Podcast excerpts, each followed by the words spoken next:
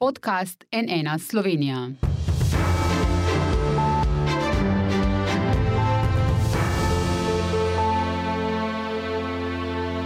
Dobr dan, to je NN studio. V sosednji Italiji bi lahko po nedeljskih parlamentarnih volitvah oblast prvič prevzela skrajna desnica.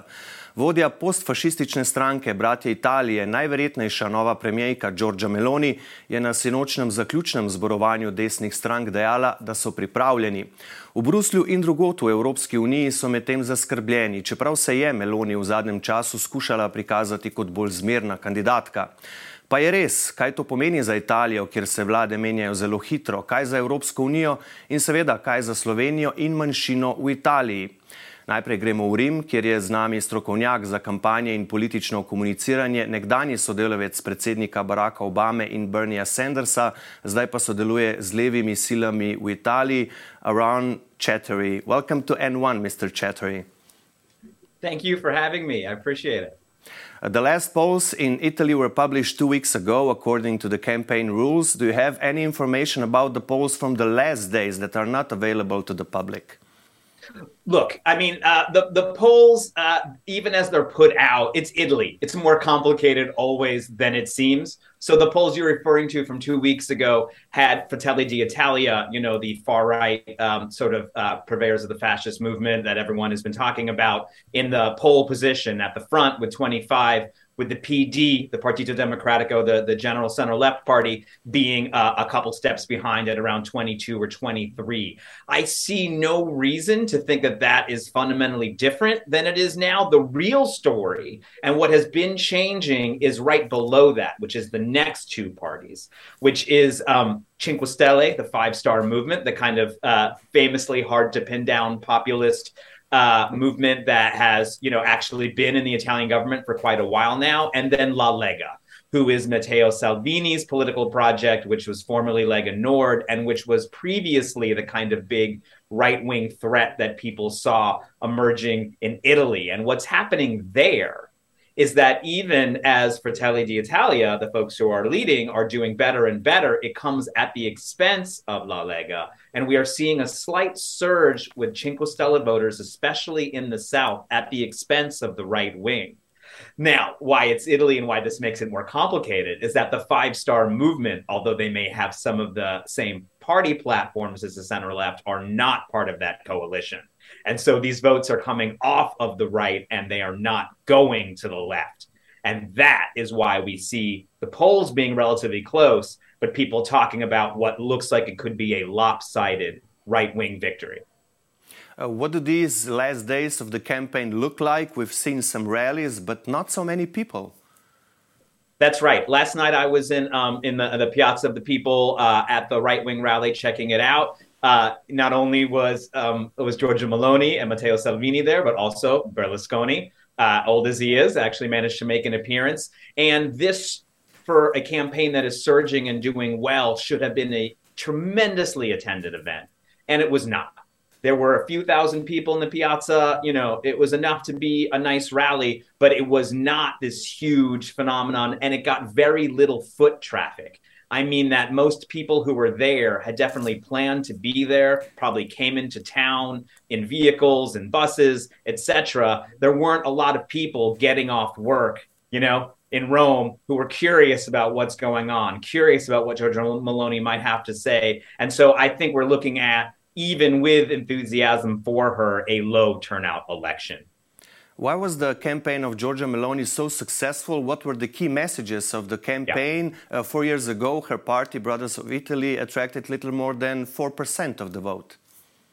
Yeah, it's an, it, when you think about it, it seems like an incredible journey from being what, what considers to be sort of a nuisance minor party uh, on the right wing coalition to sort of becoming uh, the real engine of what will be a, a, substantial victory if polls should hold. And I think that that is due to two things.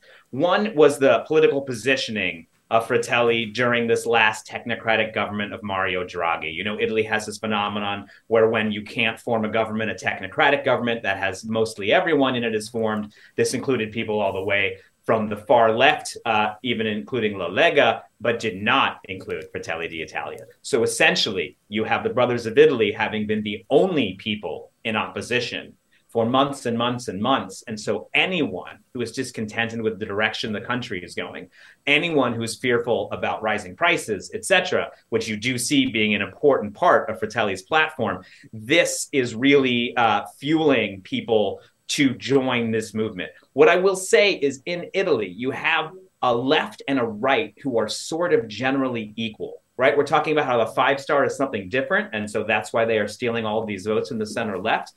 But people decide what boat they're going to be on. And if they're on the right wing boat, it's easier to shift chairs. You know, I was in La Lega, now I will shift to Maloney. I know it's what I want.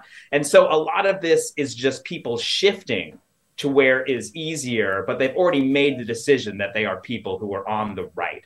Now, specifically, I think where there's a competitive advantage for Fratelli inside of their coalition with Forza Italia, very business friendly, La Lega, very business friendly, is that though they are also extremely business friendly, they have a bit more about workers' rights. They have a bit more about uh, sort of populist economics. They have a bit more. So even as they get criticized for wanting to get rid of things like basic income and stuff, Georgia Maloney personally is very good at channeling the pain of poor people. And people are feeling in a lot of pain now because of gas prices, because of energy prices. I want to say all three of these things have almost nothing to do with her party. They have to do with Georgia Meloni. Mm-hmm. She was the one who did the political positioning. She is the one who's able to channel this kind of compassion uh, for people, even inside this sort of, you know, terrifying right wing ideology. She is the political talent, I would say, of her generation, continent wide. There is nobody who is sort of uh, who is a more effective and smarter campaigner. So I think what we are also seeing is that she met her moment. This was a moment uh, in which there was an opportunity, but she had the talent and the smarts to really, really take advantage of it. And I say this as someone who comes from the opposite side, that I very much think that she was a, a worthy opponent. What about your side? What were the key messages of the campaign of the left wing parties? Uh, the outlook for them is not so good. Why not?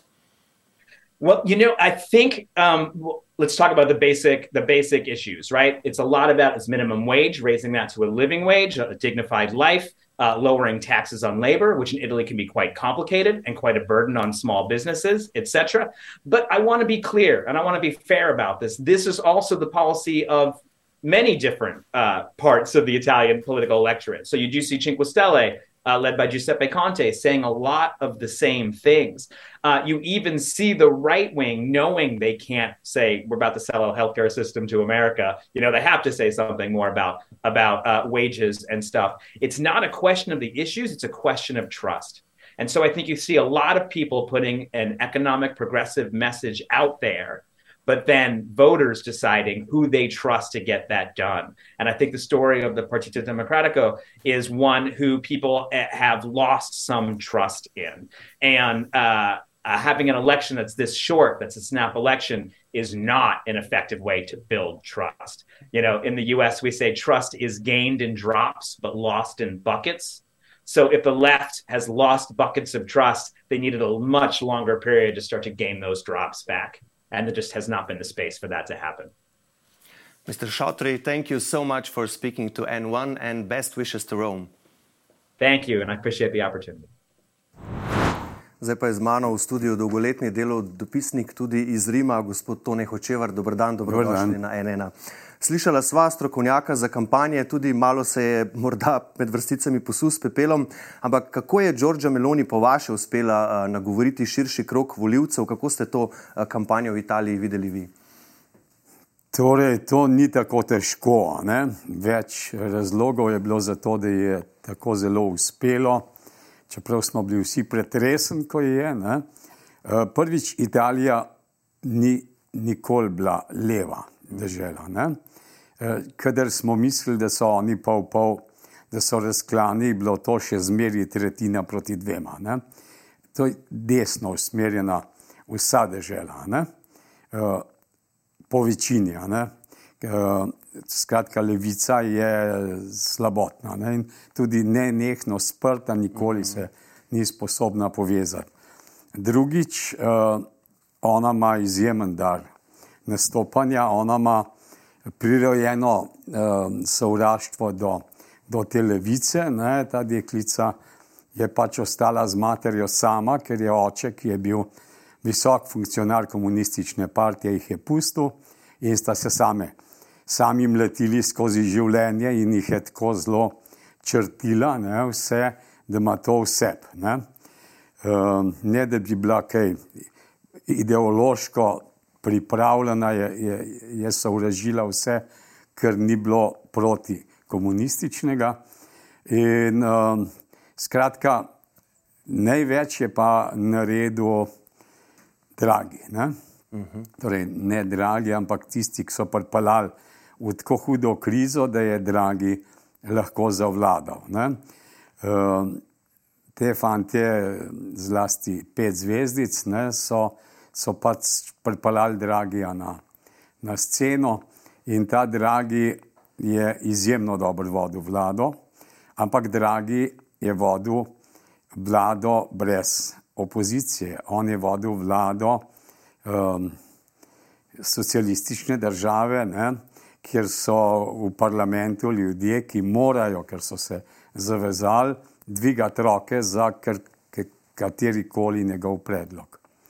Um, no, in ona je bila pa toliko brihtna, ne, ker je res je bistra deklica. Ne, ona je bila pri 30-ih že ministrica, ampak to blesteča ministrica. Za mlade, ne, pri Bruslu. Ja, sem vse glih, bila je ne, za mlade, zmislili so si mm -hmm. eno, en, eno, eno ministrstvo, zato da so ji dali, da jim ni delala škandala v kol, mm -hmm. kot, kot opozicija. No, in ker je pač uh, bistra kot je, je, je rekla, mi pa ne gremo noter, bili so minorna stranka. Mm -hmm. Štiri odstotke, glih to, da so not prišli, komi, komi. Ne? v, na zadnjih volitvah, ona je pa pač rekla, da sem proti in kar naenkrat je dobila, ampak to res vsak dan več pri, privržencev. Ne? Zelo preprosto, ne? neki so ga polomili, tek so bili na oblasti, ljudem ni bilo všeč, ona je pa rekla, a sem vam rekla. Uh mhm. -huh. In jih je dobivala zmeri več.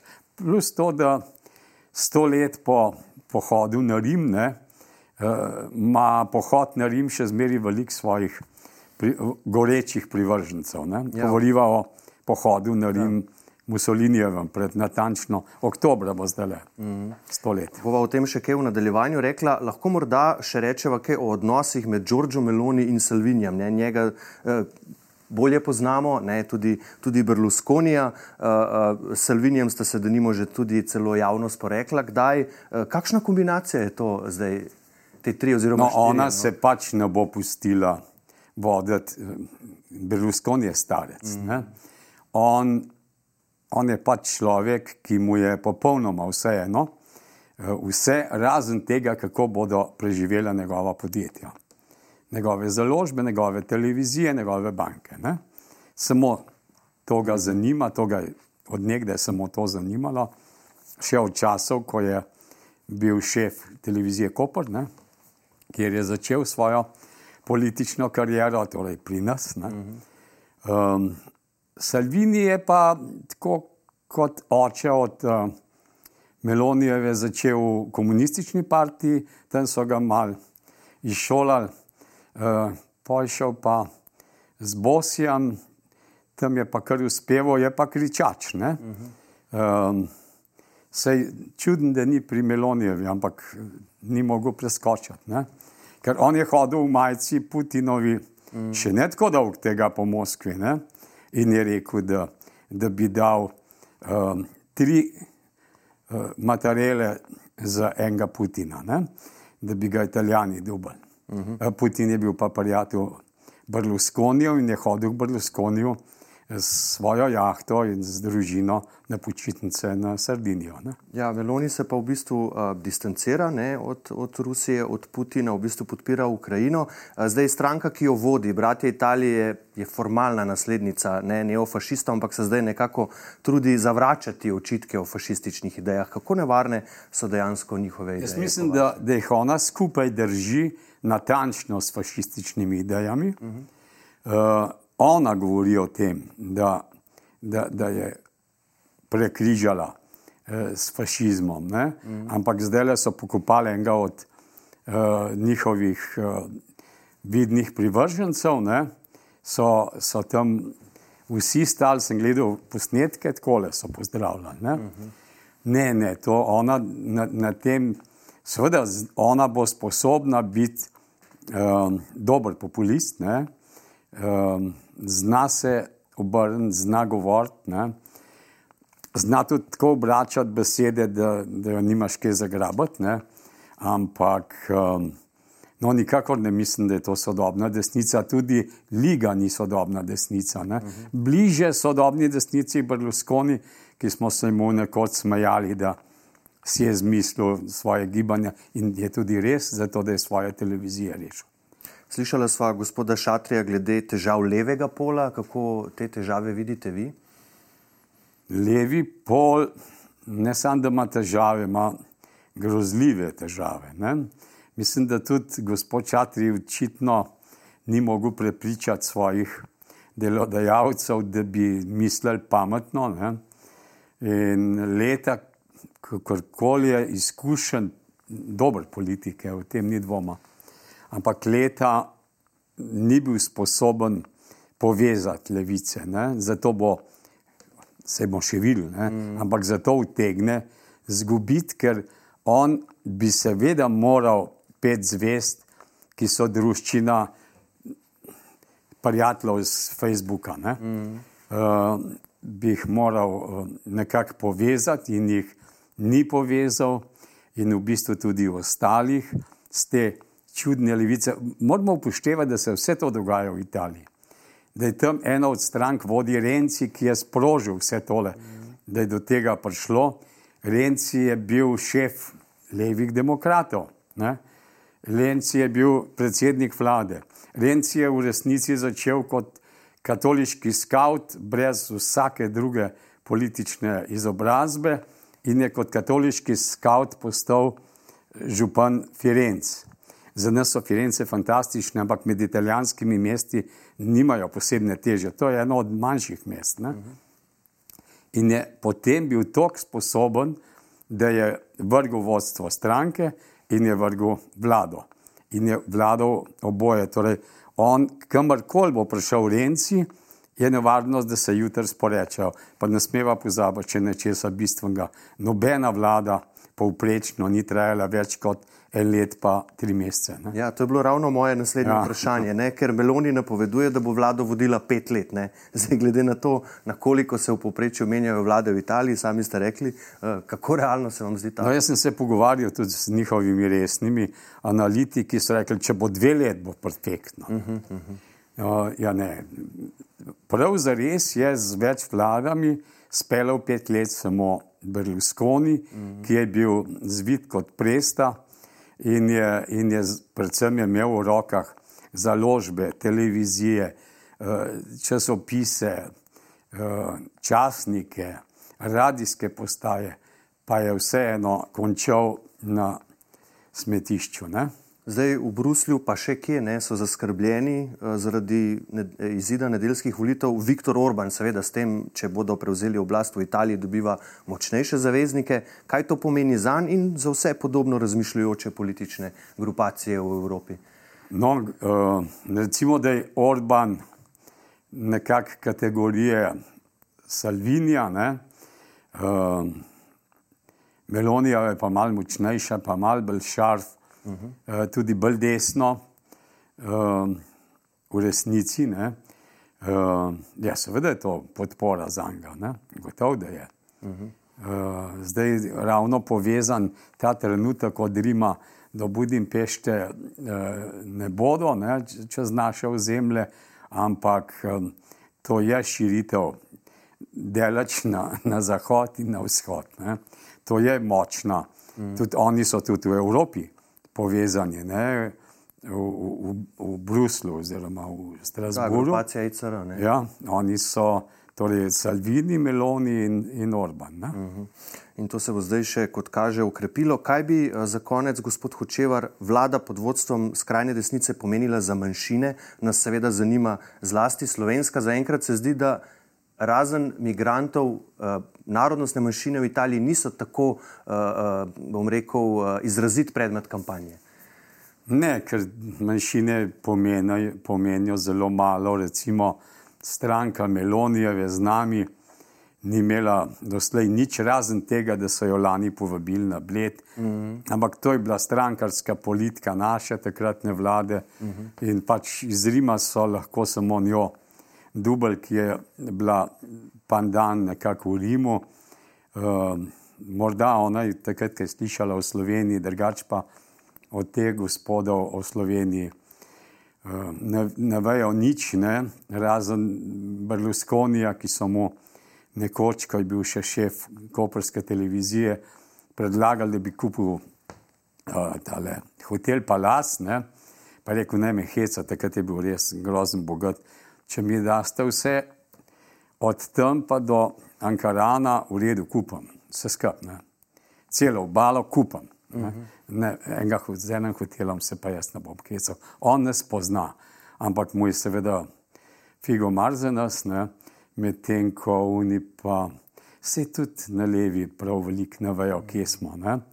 Jaz sem v tolikih letih, ki sem bil v Rimu, tokrat doživel, da, da si rekel Slovenija, pa te nekdo, ki si ga imel za intelektualca, vprašal, a je to na tej ali na uni strani Urala, recimo. Uh -huh. um, pa a je trst pri vas ali je pri nas? Ne?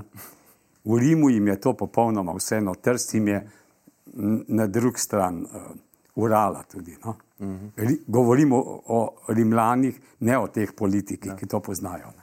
Bomo videli, eh, kaj se bo zgodilo v nedeljo. Seveda bomo to z zanimanjem spremljali. Gospod Tone Hočevar, najlepša hvala, da ste prišli na NN in za vse vaše pojasnila. Prosim.